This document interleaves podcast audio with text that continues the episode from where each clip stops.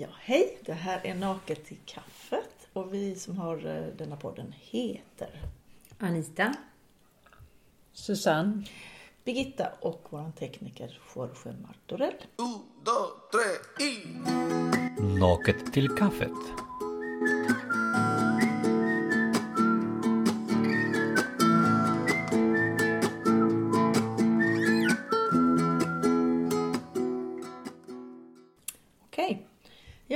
Sitter vi i min lägenhet och det är, jag ska flytta om en vecka. Och det är lite tomt börjar det bli. Det är sista gången vi är i denna lägenheten och poddar. Mm. Tänk på detta. Mm. Mm. Ja, vi ska inte fördjupa oss i hemska grejer.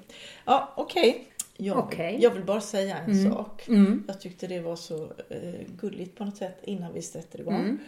Eh, vet ni att Fröken Ur fyller 90 år i år? Fröken Ur finns fortfarande, vet ni Mm. det?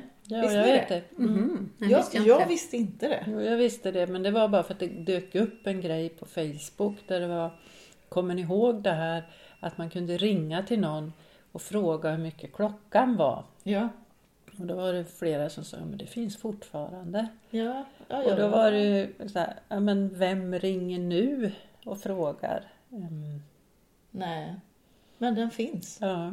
Det, jag tycker det känns något tryggt att veta att allt är inte borta. Ja, det är Eh, skönt. de Allt kvar- är inte borta. Mm. Fröken Ur står kvar på sin trogna tjänst. Ja, okej. Okej. Varsågod Anita. Tack, tack. Är ni rädda? Ja, jätterädd. Är du rädd, Susanne? Beror på vilket sammanhang. Ja. För, för vår tid, för vår samtid, för vår framtid. Ja, jo men det, det kan jag nog säga. Fast jag, jag är mer rädd för såna här katastroftankar, vad som kan hända med barnen och barnbarnen Mm. och så. Sen har jag mer ilska än rädsla kanske. Mm. Över tiden vi befinner oss i. Eller hur, Mm. hur Sverige har spårat ur, skulle jag säga. Eller förfallit eller förändrats på ett sätt som eh, på ett långsamt vis har ändrats från, egentligen från 80-talet. Mm, mm. Fast jag vet inte, det känns som att det är de senaste åren som det har blivit så tydligt. Men det är inte rädd framförallt som är din känsla utan arg. Ja, om jag, om jag tänker på så här världsläge, Mm, samhällsklimat så känner jag mig nog mer arg Mm. där. Ja. Men sen så, klart, det följer ju med en känsla av hur ska det bli liksom. Mm. Och det kan ju gå över i rädsla. Men rädslan är nog mer väldigt vad som händer med alla människor som är nära en. Alltså jag, jag upplever ju att jag upplever rädsla på ett sätt som jag aldrig har upplevt tidigare över vår samtid, över vad som ska hända med krig, med klimat, alltså de här stora frågorna. Och när jag, jag kan ju pendla mellan att få fullständig panikkänsla till att jag måste liksom stänga av för jag kan inte ta in det. Alltså jag tänker inför valet i USA och vad det kan innebära för hela världsläget liksom. Till exempel då. Och jag har försökt liksom tänka hur jag, ska, hur jag ska förhålla mig till det här. För just rädsla och vanmakt som för, för mig går hand i hand. Det är ju känslor som är som, som inte är så konstruktiva. Och det är ju väldigt många människor, tänker jag, som är rädda idag. Och att rädsla är också något som gynnar makten. Alltså rädsla och vanmakt. För rädda människor går inte samman och agerar. Rädda människor stänger in sig liksom. Och hittar syndabockar. Så att den, den känslan. Just rädsla och vanmakt tycker jag krokar väldigt mycket arm i arm. Och, att, och så har jag tänkt på liksom vad, vad, liksom, vad underblåser rädsla? Och då ser jag mycket vad som till exempel sker på sociala medier. Eh, där det är väldigt mycket yta. Alltså det fladdrar förbi nyheter eller filmer eller åsikter på, på liksom något sorts ganska ytligt plan. Det är liksom inte analys och förståelse och så utan det, det är utan sammanhang liksom. Eh, men även nyhetsrapportering, alltså på SVT och, och liksom dagstidningar som har ett väldigt ensidigt perspektiv. Och också utan analyser som kan skapa sammanhang, förståelse, nyanser, olika perspektiv. Utan det, även i våra liksom stora dagstidningar och rapporter så, så är det ju väldigt ensidig rapportering. Och jag tänker kring att det är inte en tillfällighet att det fungerar så. Alltså att det gynnas. Alltså det, det finns ju de som gynnas av att man känner just rädsla och vanmakt. För det, det gör inte att människor liksom förstår vad ska jag göra åt det jag ser. Så. Och att det är väldigt också man appellerar väldigt mycket till känslor istället för liksom, alltså det här med olika perspektiv, analysera, eh, man kan se saker ur olika perspektiv, man kan liksom få historiskt titta framåt och så. Det appellerar ju mycket till liksom våra tankar och förnuft. Men rapporteringen är väldigt kopplat till känslor liksom. Eh, på, ett, på ett sätt som, som har ändrats tycker jag. Tyck, över tid, liksom över årtionden så. Och då funderade jag över då, ja förnuft, alltså man tänker vad det, vad det betyder det ordet. Så om man ser då Svenska Akademins ordbok så är det förmåga till tänkande, gott omdöme och sunt beslutsfattande. Och jag tycker liksom inte debatten grundar sig på förnuft eller besl politiska beslut heller. Jag lyssnade på Åsa Wikfors, vet ni vem det är? Mm. Mm. Professor i filosofi, sitter i Svenska Akademin. Men hon hade ett vinterprat mm. som var väldigt bra. Hon var också på söndagsintervjun förra veckan. Och hon börjar sitt vinterprat så här. När förnuftet sover vaknar monstern. Monstren. Och det är inristat på en tavla av den spanska konstnären eh, Francisco Goya. Och han var ju liksom, han var en av konstnärerna som kom i samband med upplysningstiden. Att man liksom skulle lämna detta med, med myter och tro utan nu skulle vi liksom bygga ett samhälle på förnuft istället. Och det är också en man, Christer Sturmark som har skrivit, han är debattör och, och journalist så. Med förnuft och en undersökande nyfikenhet kan vi söka oss mot sann kunskap om verkligheten och att det är viktigt att ha en, en att ha en kontakt mellan känsla och förnuft. Mm. Och och jag, jag tänker, känner i vår tid så är ju kunskapen, det är ju liksom, det, det är ju ganska nytt det här att man liksom ifrågasätter kunskap. Jag tänker det kom ju bland annat med Donald Trump som sa, ja men man kan ju ha alternativ fakta. Det var ju liksom han som myntade det begreppet. Eh, men att nyfikna frågor då utifrån forskning och analys är liksom borta i den offentliga debatten. Eh, utan det är liksom eh, istället liksom man ser väldigt polarisering. Alltså som är väldigt hård, nedlåtande ton och väldigt känslostyrt liksom. Och när till exempel då när försvaret hade sin konferens som blev ganska omtalat, den här krigshetsande. Ja, mm. Då visar de ju till exempel bilder på Ukraina, liksom sönderbombad stad. Mm. Vill ni ha det så här? Mm. Liksom det är verkligen liksom att man verkligen vill skapa liksom panik och rädsla. Mm. Mm. Och det kanske inte alltid är så medvetet. Nu gör vi så här för att vi ska få makt. Jag säger inte att det liksom alltid... Men, men någonstans så är det ändå det man, man skapar.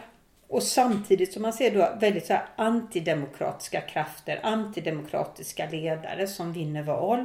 Och man har, det finns, jag vet inte om ni känner till det här forskningsprojektet som har pågått över många, många årtionden, sedan 80-talet. World Value Survey. Eh, där man undersöker, alltså man har så här, frågor ut till människor kring attityder i, internationellt över olika tider. Och förra året så hade man en fråga där man stä, som man ställer så här, om man tycker att det är väldigt bra, eller ganska bra, att ha en stark ledare som inte behöver ta hänsyn till ett parlament. Och i både Tyskland och Storbritannien så sa 24 procent att det tyckte man skulle vara bra. Och i USA 37 procent. Och jag tänker på det här att man söker liksom någon sorts enkel lösning. En stark ledare. Men som jag, alltså jag blir ju så jävla rädd när jag hör sånt här. Det finns också ett forskningsinstitut som, är, som utgår här från Göteborg men som också är internationellt i 100, län- 180 länder. Som heter VDEM. V och sen demokrati på något sätt. Man undersöker också de, demokratiska saker. Och då, där man har liksom olika villkor som man tittar på för att man ska kalla ett land en demokrati som måste uppfyllas. Och där man ser att eh, det går liksom bakåt. Det, alltså det är ju fler och fler länder som inte uppfyller de här demokratiska parametrarna. Och, och då så pratar man ju om en autokratisering. Autokratisering, alltså att en demokrat, alltså att, och som betyder inte att det kommer liksom en diktator, pang så är det liksom en diktatur. Men att det tas små, små steg mot, som går liksom från demokratiska. Alltså små steg för mindre yttrandefrihet, mindre pressfrihet, mindre eh, där polisen, rättsväsendet blir mindre rättssäkert och så. Och man ser de här strömningarna då världen över. Och att i, i bara EU så har vi nu fem länder som då inte klassas som demokratiska länder. Och att den här smygande processen är så lurig för det är så svårt att se. Man tycker alltså varje enskild sak kanske man tänker att det kanske behövs nu för, mot de gängkriminella. Eller Ja, det kanske behövs det. för att det finns ett hot från Ryssland eller så. Men ju fler sådana som liksom pusselbitar så, så till slut så står vi där liksom med en väldigt Ja. demonterad demokrati. Men sånt här som visitationszoner Precis. är en sån grej. Och jag Som- tänkte det du berättade Susanne. Med att, eh, att, ja, att man inte kan, om man arbetar på en nyhets, eh, mm, vad säger ett nyhetsställe. Eller En på en tidning. tidning eller SVT eller vad man, men så, så får du inte uttrycka och säga och Nej. vad du vill. Nej. Eller man, man, man gör kontroller på sådana personer. Liksom. Ja, just det. Precis. Och man, det, man, det här med visitationszoner till exempel, det, säger, det är precis de argumenten man säger, men det behöver vi just nu Ja. för att kunna stävja gängkriminaliteten. Den är det viktigaste vi har nu. Ja. Så. Och då så ska det vara berättigat att göra sådana där eller passkontroller från Ja. Danmark hit. Och Allt sånt där. precis. Och samtidigt som man då tänker om liksom förnuft och analys och bildning är en sorts, liksom på andra sidan för att stärka en demokrati så monterar man ner folkbildning. Man tar bort bidrag till studieförbunden. Man liksom, och också sånt här med, med att politiken vill börja kontrollera kulturen. Det är ju mest varit SD som har drivit det. Liksom, att de ska bestämma vilka böcker ska finnas på biblioteken. Vilka, men vilka eh, så här, kulturarrangörer ska få bidrag? Jo, ifall man har de här utbuden till exempel. Sådana diskussioner som ju inte fanns för tio år sedan överhuvudtaget. Nej, Så. nej. Jag tänker bara det här med att skrämma folk. eh, som man gjorde då på den här eh, konferensen. Mm. Eh, eh, vad heter den? Folk och fred eller något sånt. Eller det var inte alls den konferensen. Jo, men det är ju den konferensen. Jag, jag vet faktiskt inte vad den hette. Men, Nej. mm. Och att man går ut med att det finns ett krigshot mot Sverige. Det här ska man ju också veta att det är inte bara det här att man vill, oh nu ska vi in i NATO här. För det vill man ju gärna framstå som att oj nu är det, står Putin för dörren här och ska in. Utan det är ju jättemycket ekonomiska intressen Ja. bakom. Det är som han Cervenka, den här journalisten som skriver att Vem Eh, är Cervenka? Berätta. han heter Andreas Cervenka och han är ehm, en journalist. Han har skrivit en bok också som heter Gir i Sverige. Mycket kring ekonomi. Ja. Men han kan ju visa på att alltså det, det här krigshot, alltså familjen Wallenberg som äger Saab till exempel har blivit 60 miljarder kronor rikare sedan Rysslands invasion av Ukraina. 60 miljarder pratar vi om. Alltså man tjänar så mycket pengar på det här. Eh, såklart, det vi gynnas ju Ja, alltså Sätt igång, vi måste sälja vapen, vi måste... Ja, ja, ja, det är en De hel här- industri. Det är en Mm. jätteindustri. Eh, och, och där måste man ha folk rädda. Hur ska vi annars gå med på Nej, nej. att ge Nej. så mycket pengar till krigsindustrin? Nu ska vi lägga ännu mer pengar på krigsindustrin. Eftersom ska man vara med i NATO så måste minst 2% av BNP, alltså våran bruttonationalprodukt, gå till, till eh, NATO. Och idag kanske vi lägger, vi lägger, de har ju redan höjt eh, summorna vad man lägger på militären. Nu kanske det är 1,2 procent. Men det ska upp minst till 2. Eh, och hur ska du få med folket på att gå med i NATO eller, eller satsa så mycket pengar på militären om inte folk är rädda? Nej, så det är ju det är en, det det är en som är- strategi. Om det Precis, hade varit liksom en förnuftig debatt med vad för och nackdelar så men- som inte har existerat Vi har, överhuvudtaget. inte fått, vi har inte fått folkomrösta om detta. Det är bara en grej som har liksom 200 år av neutralitet Mm, som har eh, nu blivit plötsligt ett intressant eh, vad heter det, krigsmål eftersom vi är en del av NATO. Just det. Mm. Men det var ju är där det med- klart att man, man vill spä på rädslan. Man vill Man spä på det. rädslan Mm, hela tiden. Men i botten, längst ner i botten, det är ekonomi. Titta Mm, på vad, vad man tjänar på. Titta hur pengar förflyttas. Mm.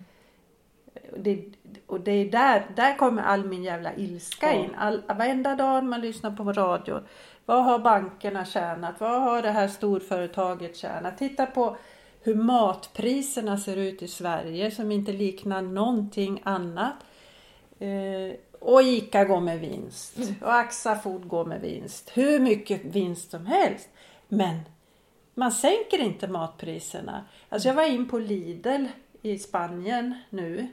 Och jag vet ju precis vad grejerna kostar när jag brukar handla. Eh, det har en otrolig skillnad i pris. Alltså det är ändå den skillnaden med euron som man får ha klart för sig att svenska kronan är ju lite svagare. Men ändå! Mm. Jättestor skillnad. Om man här betalar kanske 23 kronor, 22,90 vi säger för något eh, för bananer så kunde du köpa bananer där för 0,99 euro, inte ens en euro. Men jag tror också att den, alltså när det var som högst priser i Spanien då gick regeringen in och sa att nu tar vi bort momsen på maten. För de har ju haft en vänsterregering då.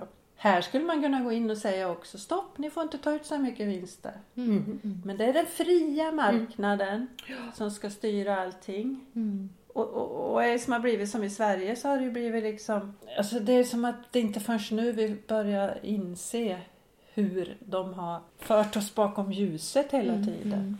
Nej, men det är som att det, nej, men jag, jag tycker det, det, det är så intressant det här med hur man, eh, vad ska vi ta till nu då för att eh, eh, legalisera allt det här? Ja men då slänger vi in kriget här nu, Mm. som 17. Och jag tänker, häromdagen så stod det, jag tror det var i GP, var en bild på en ung kille som sa jag försvarar mitt land. Jag går ut, eh, jag vill, jag vill dö för mitt land. Det är så här man gör i början av krig för att mobilisera folk och att eh, sätta någon slags egen eh, något samvete i det, att du bör ut och försvara ditt land. Det är så man... eh, Ja. Mm. Och Var jag, kom den, det? Var det från... jag tror det var i förra veckan.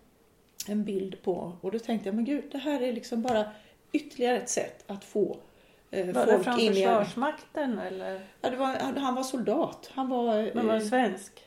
Ja, ja, här i Ja. Sverige. Ja, det måste vara Försvarsmakten som går ut. Sen det är också sån här, man har gjort i alla krig så har man gjort så. Mm. Jag vill försvara mitt land och så. Mm.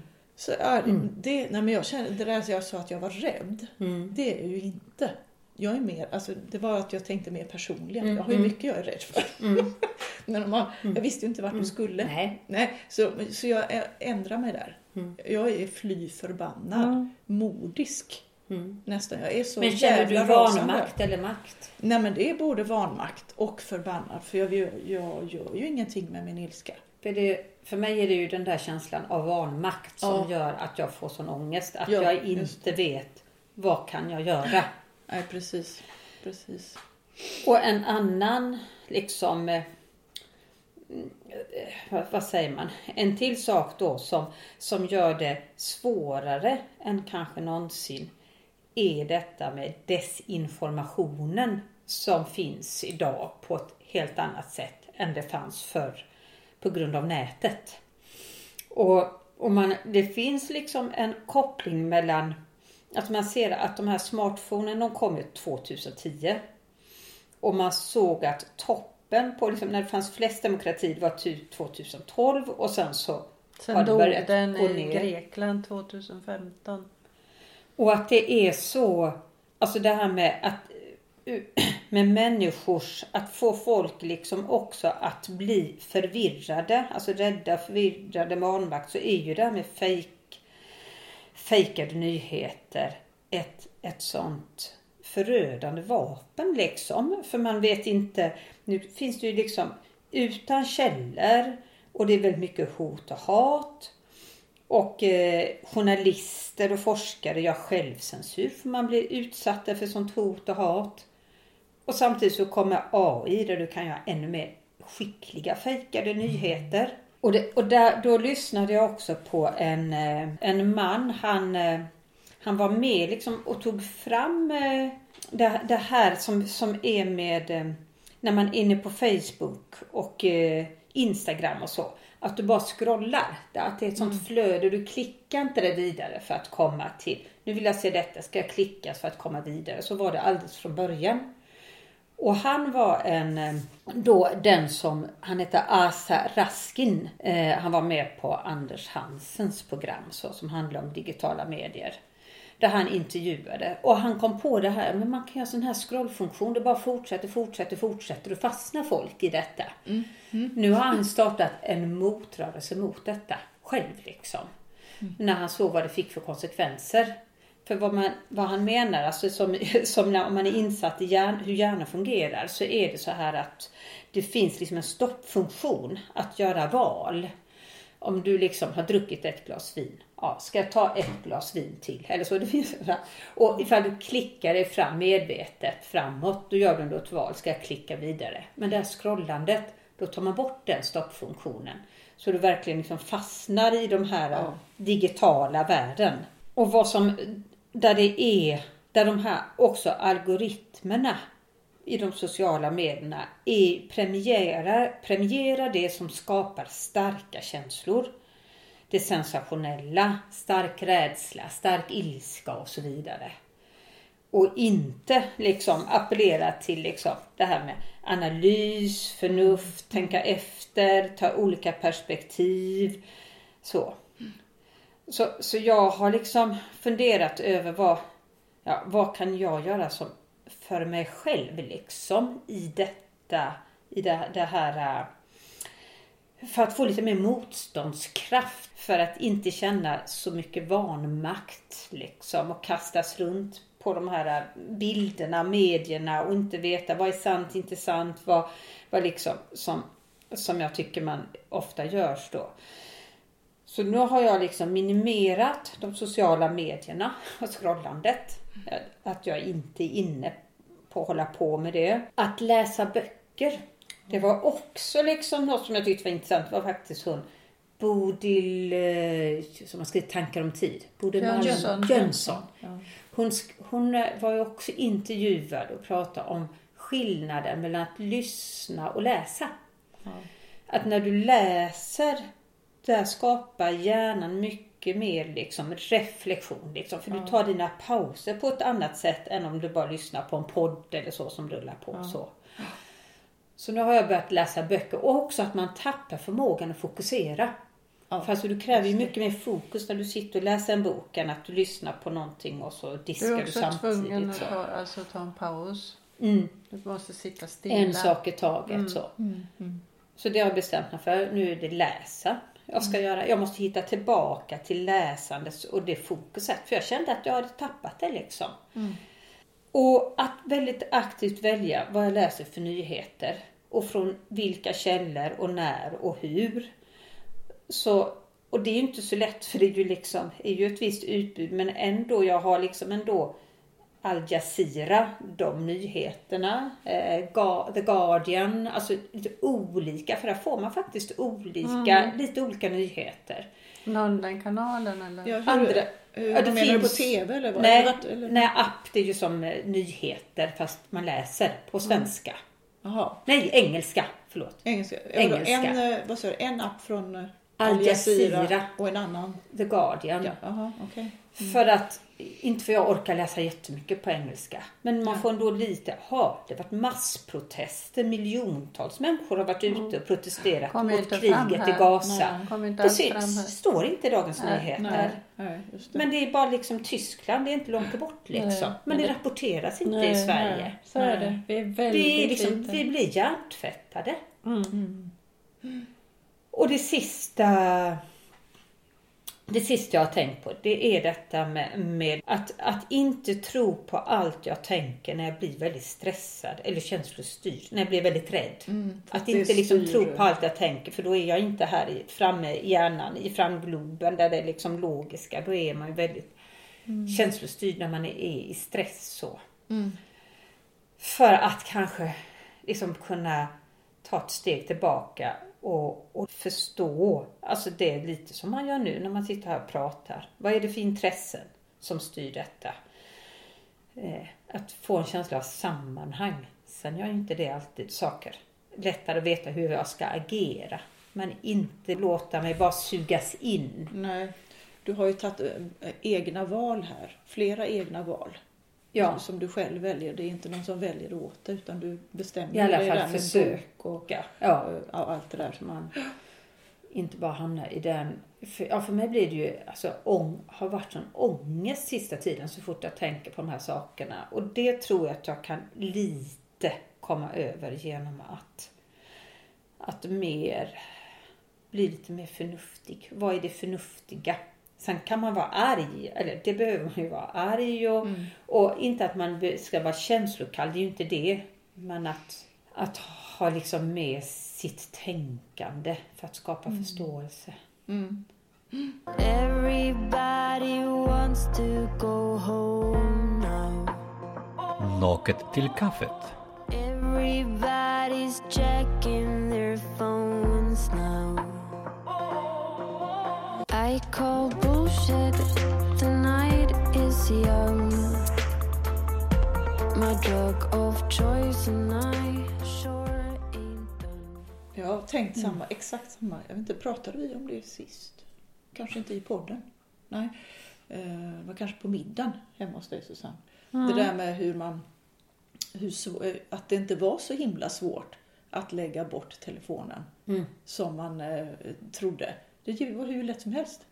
Jag bara la den här och det, så tog jag en bok. Det var inget svårt alls. Ja. Jag trodde det skulle vara Ja. så här. Lite var det när jag tog första dag, första kvällen tog det beslutet. Ja. Mm. Men absolut inget. Men nu har jag inga böcker packat ner. Så nu har jag tittat. Åh jädra vad det går fort. Fast jag vet att jag ska inte hålla på och scrolla. Det vet jag ju att det är jätteroligt. Nu jävlar. Så håller jag på sådär. Plötsligt Det går en bara direkt. halvtimme, en Ja. timme, bara tiden bara...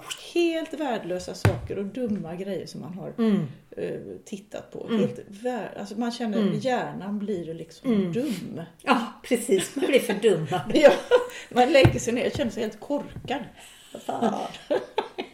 ja, nej, så det är absolut eh, ett bra val. Jag, har gjort- jag har också tagit bort telefonen på natten för jag tillhörde ju de där som hade den på sängbordet liksom. Ja, ja. Och jag märker, för jag vaknar ju alltid upp ett antal gånger på natten, hur handen är på nattduksbordet. Men In- tidigare så tittade du på mobilen. Ja, Ja. när jag låg där och hade, nu har jag vänt mig här en kvart, nu har jag tråkigt. Ja, Jag kan titta lite på telefonen. Nej, ja, det, Alltså det skulle jag aldrig stör ju sömnen jättemycket. Jag vet, jag vet. Nej, det, det var länge sedan jag la ut den. För jag fick för mig det här, alltså det här att bara att den finns där och så att skapa sömnproblem. Det kan inte hjälpa att bordet knakar. Nej, är jävla konstiga ljud och det är någonting Ja. när man lägger händerna på bordet. Ja, Ja. det kommer Ja. höras. Eh, Eh, ja, men du har ju den där hemska grejen. Du lägger den så har du väckarklockan på så du måste springa ut på rummet. Så du sätter igång en stress. Nej, jag kliver ju upp Du då. går lugnt upp i telefonen. Oj, den ringer. Ja, Det inte var ingen fara. jag ju inte. Varför ska jag springa? Jag skulle direkt ah, tyst. Nej, men det är Nej. ju att jag inte vill eh, sova bredvid den. Jag har Nej. letat upp en gammal hederlig väckarklocka från förr i tiden. Jag har en Mm. klocka. Mm. Tyst ska den ju vara. Man måste ha en tyst Ja, klocka, annars dör man ju. Men hörni, då eh, måste jag, eller hade du något mer? Förlåt. Jag har en Ja, sak du till. Det beror på lite hur vi ligger tidsmässigt. Jo, det ska jag tala om för er. Det är 32 minuter. Oh, men det är Ja, men så. jättebra. Det är jättebra. Alltså det här med eh, det här som jag sa när, för, innan vi började att jag har känt mig så otroligt upprörd över en specifik sak sista dygnet sen jag fick kännedom om detta. Som har koppling till det här med saklig information eller ska vi bara spela an på känslor på något oreflekterat sätt. Jag ska beskriva kort ett filmklipp. Vad, vad det är som händer här. Eh, innan vi sen, jag förklarar vad det här handlar om. För det är så ofattbart. Man ser en eh, mörk stadsmiljö på kvällen. Ungdomar som springer runt. Och sätter upp plakat eller? Ja, affischer och så. Vill ha sex återkommer flera gånger på den här eh, affischerna. Va? Vill ha sex, stod Vill det du, där. vill du ha sex? Vill du ha sex? Ja. Vill du ha sex? Ja, så står det. Eh, och eh, de här som springer runt här i Helsingborg, man ser lite sådana här symboler för Helsingborg, har mörka huvud på sig. Lite så här halvkriminella kan de se ut. Och eh, då, eh, det är inte graffiti men liksom smyger på natten och sätter upp affischer här. Så, och så ser det ut som en QR-kod under. Ja, så ser det som en QR-kod. Och Och så så, slutar det med, med. flaggor, svarta flaggor med de här rödgula QR-koden i Ja, mitten. Nu tar det slut. Och där tog det slut. Vad tänker ni det här kan handla om? Jag kan säga att det är... Nej, det går inte att gissa. Jag kan berätta. Det här är en kommunal gymnasieskola i Helsingborg som vill locka till sig att ungdomar ska söka till deras skola. En kommunal En dessutom. kommunal gymnasieskola använder liksom symboler som är liksom lite så här kriminella. Man springer runt på natten i svarta huvud. Återkommande flera gånger, vill du ha sex?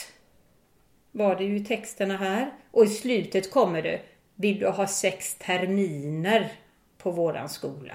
Någonting sånt. Och de här flaggorna som nästan påminner om IS-färger Ja, i slutet. ja, på den där svarta flaggan. Men vad- Och det använder då en kommunal gymnasieskola för att locka till sig ungdomar att söka till deras skola. Har de någon speciell inriktning som marknadsföring eller? De har en, det är ett yrkesprogram Ja. och då tänkte jag direkt så, ja ganska få tjejer redan går på den här skolan. Hur blir det för dem när liksom, vill ni ha sex liksom? Eh, och det här också att man anspelar på det här, eh, ja, något, som att det är något coolt det här mörka, lite gängkriminella anspelningarna. För inte att, om man då ska informera om sin gymnasieskola, man kanske kunde tänkt sig att man kunde informera om vad har vi för program, för innehåll liksom och så vidare. Då tycker jag, då har man fallit så jävla lågt ner. Detta ligger på deras offentliga Instagram-sida, för i Helsingborg så få skolor har sociala medier. Men är det ingen som har reagerat? Är de inte anmälda? Eller vad liksom? Inte vad jag har hört Det här tror jag handlar om att, eh, precis som du sa innan med sociala medier, eller hur förvriden, eh, förvriden information som går ut. Alltså, bara titta på hur kunde en sån som Trump vinna valet i USA? Han kommer vinna nu igen säkert. Titta på hur Milley vann i Argentina. Mm. Alltså för att du ska komma igenom mediebruset och sticka ut Mm. så är det det enda sättet man, det är liksom de, det sättet man använder sig av. Som Milei som gick ut varenda valmöte med en stor jävla motorsåg och drog igång en motorsåg som en galning för att visa sig att jag ska skära i staten, allt ska bort. Mm. Liksom. Jag ska ta bort hela staten. Alltså han betedde sig som en eh, som han vore en rockartist, inte en presidentkandidat. Och, alltså var, s- säga så här sjuka saker att du ska kunna, vill du inte vara för, förälder länge, längre, om barnen är för jobbiga så ska du kunna säga upp ditt föräldraskap till exempel. Du ska kunna sälja dina organ. Alltså ju, ju mer vridet, ju, ju mer med vilken högre röst du kan Alltså ju galnare grejer du kan komma desto mer vaknar folk upp. Jaha, oj! Så fick man lite likes här. Mm. Folk hörde någonting helt plötsligt. För alla sitter där med sin jävla skärm och scrollar och scrollar och scrollar. Och då måste det till något ex- extra, något extremt. Jag tror det är därifrån det kommer. Eh, Det bygger inte på, som du säger, på vad är det vi får lära oss i här Nej. skolan eller något sånt. Nej, Det är så det ser ut. Så ja, det är ju man är ju symptomatiskt men, men jag tycker det är helt fruktansvärt när till och med kommunala skolor eh, Ja, använder det säger sig ju väldigt av- mycket om våran samtid. Mm. Att eh, det är svårt att veta var vi hamnar till slut. Mm. Mm. Eh, och något som kan skrämma då om man ska bli rädd för något det är ju användningen av sociala medier. Mm. För jag kollade, testade, ställde en fråga till mina elever, mina vuxna elever. Hur mycket tid de la på sociala medier. Och de som var runt 20, 20-25 ska jag säga. Det var fan med åtta timmar om dagen minst. Ja. Och en, flera föräldrar också som har barn beskriver att vid matbordet så var och en har sin eh, iPad eller sin telefon bredvid sig vid tallriken. Så tittar man på, på skärmen när man äter tillsammans. Eller att de kan inte alls, jag måste ha en tjej säger, jag måste ha telefonen på hela tiden. Jag måste ha det där ljudet. Annars kan jag inte eh, existera. Nej. Så att det finns, det kan skrämma mig. Ja, det skrämmer ju oerhört. Alltså så lätt att hjärntvätta Mm, det är som, en befolkning idag. Vi säger som att robotar. Man säger att det är i Ryssland att folk liksom är hjärntvättade. Men vad innebär Vad är det här? detta? Ja. Liksom? Och vem som helst kan skicka ut vad som helst på de här sociala medierna. Det gör mig rädd. Det ser mörkt ut. Mm. Jag tror att vi är som en övergångsperiod på något vis. Från att, jag vet inte, för jag känner så att de gamla politiska partierna var som, det måste komma något annat, något underifrån, någon protest från folk på något annat vis. Alltså, för att det finns ju inget, det finns ju liksom inget, Nej. vad ska man rösta på till exempel? Det finns ju inget man kan rösta på. Nej. Nej. Det, det, det, är mörkt. Det var det som Det är sagt mörkt. var. Ja, Det är mörkt. ja. Har vi något, något Jag måste som säga något kan- positivt. Ja, men jag har en liten så- positiv grej som hör ihop egentligen med, men det jag vet fan alltså. Man kan ju bli, men jag vet inte om ni, det finns en podcast med Dr. Chatterjee. Mm. Ni vet, han Ja. är ju väldigt eh, bra eh, människa. Han intervjuade Anders Hansen alldeles nyligen tror jag. Ja. Han eh, pratade då med en, lit, en eh, kinesisk munk som jag, nu säger jag väl fel här. Jag tror han heter Shi Heng Yi. Mm. Ja. Episod 426 i podcast, eh, Dr. Chatterjees podd. Som heter Feel Better Live More. Och han den här eh, Shi Heng Yi. Han sa eh, ska, hur du ska kunna komma tillbaks till dig själv, till balans, harmoni, frid i dig själv, stabilitet. Det finns vissa tekniker som man gör då, som egentligen, vi vet alla vad det handlar om. Ja, men då börjar man morgonen ska man ägna 15 minuter åt inre, in, ett inre jobb. Om det är meditation eller rörelse eller vad det än är. Men det ska vara till dig själv och den tiden är ingen annans, den är bara din. Du får inte bli störd. Ingen får störa dig. Nu är det svårt om man har barn och sådär. Eller hund. Som kommer och krafsar dig, men det kanske man kan. Han kommer med en boll. Eller någon man eller någon som kommer och håller på. Jag vet inte om nu ska hålla på 15 minuter. Äh, Bla, bla, nu, ta bort det jag sa. Ta bort det jag sa. Jag menar, 15 minuter inre jobb. Och på kvällen ska du sluta med att en pyttestund tänka ordet tacksamhet. Mm. Oavsett hur dagen har varit. Om det är för de flesta dagar kan ju vara ganska skitjobbiga. Och det händer ju någonting som du ligger där och tänker och funderar på. Då ska du ändå tänka ordet tacksamhet. Jag har lite svårt där. va? Jag tänkte det, nu blev jag förvånad där. Ja, det, det är inte riktigt min linje då. Jag kan inte riktigt, vad fan, det här är väl mycket, det här är något som utmanar mig. Men någonting, för han menar att the purpose of why you are here. Varför är du här? Vad är liksom vis, eh, syftet? Eh, eh, jo, du har kommit hit. Du får vara på den här jorden. Jo, Du får vara här, du får vara här och vi får vara här. Men vi måste, vi får inte ta det här för givet. Livet är aldrig för givet. Det är därför man ska inte drabbas av de här. För att vi har bara denna tiden och vi vill ju göra det bästa. Och då måste din, din kropp, din själ, din emotionella hälsa, det måste vara hälsosamt. Och då är de här metoderna 15 minuter morgonen, tacksamhet på kvällen. Kom det från Anders Hansen också? Nej, från Shi Heng Yui. Men vem var det som lyfte honom då? Shi Heng Yui, Mm. det var Dr. Chatterjee. Ja. Ja, han intervjuar en massa olika personer då.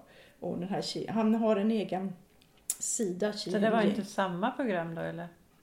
Som Anders Hansen. Mm. Nej. Nej, det fattar jag. Nej, han, det är en annat, annat program med Anders Hansen. Jaha. Mm. Så han, men den här episod 426, där pratar han om lycka. Mm. Eh, hur, eh, om din lycka är beroende av ett bra hus, en bra relation, att det är eh, fint väder ute, eh, att det är andra saker som gör att du ska känna lycka. Då är du fast i någonting. Mm. Jo men det är ju så. Och det fattar man väl. För livet är inte så. Livet, är, livet kommer alltid att vara upp och ner. Du kommer förlora saker, du kommer förlora personer, du kommer att få. Det, är båda, det går liksom upp och ner. Eh, Du kommer att må dåligt, du kommer att må bra. Så det finns ingenting eh, som är liksom fast. Mm. Så du måste alltid, alltid tillbaks igen till balans, harmoni, frid, stabilitet. Och du kan bara hitta det i dig själv. Mm. 15 minuter på morgonen, tacksamhet på kvällen. Ja, svårt för mig i alla fall. Ja, har vi något mer att tillägga? Eller ska? Tycker jag var ett bra avslut. Mm. Det var ett bra avslut. Då säger vi tack för denna gången. Får vi se vad vi poddar nästa gång. Hej då! Hej då! Dos, tres y... Naket till kaffet.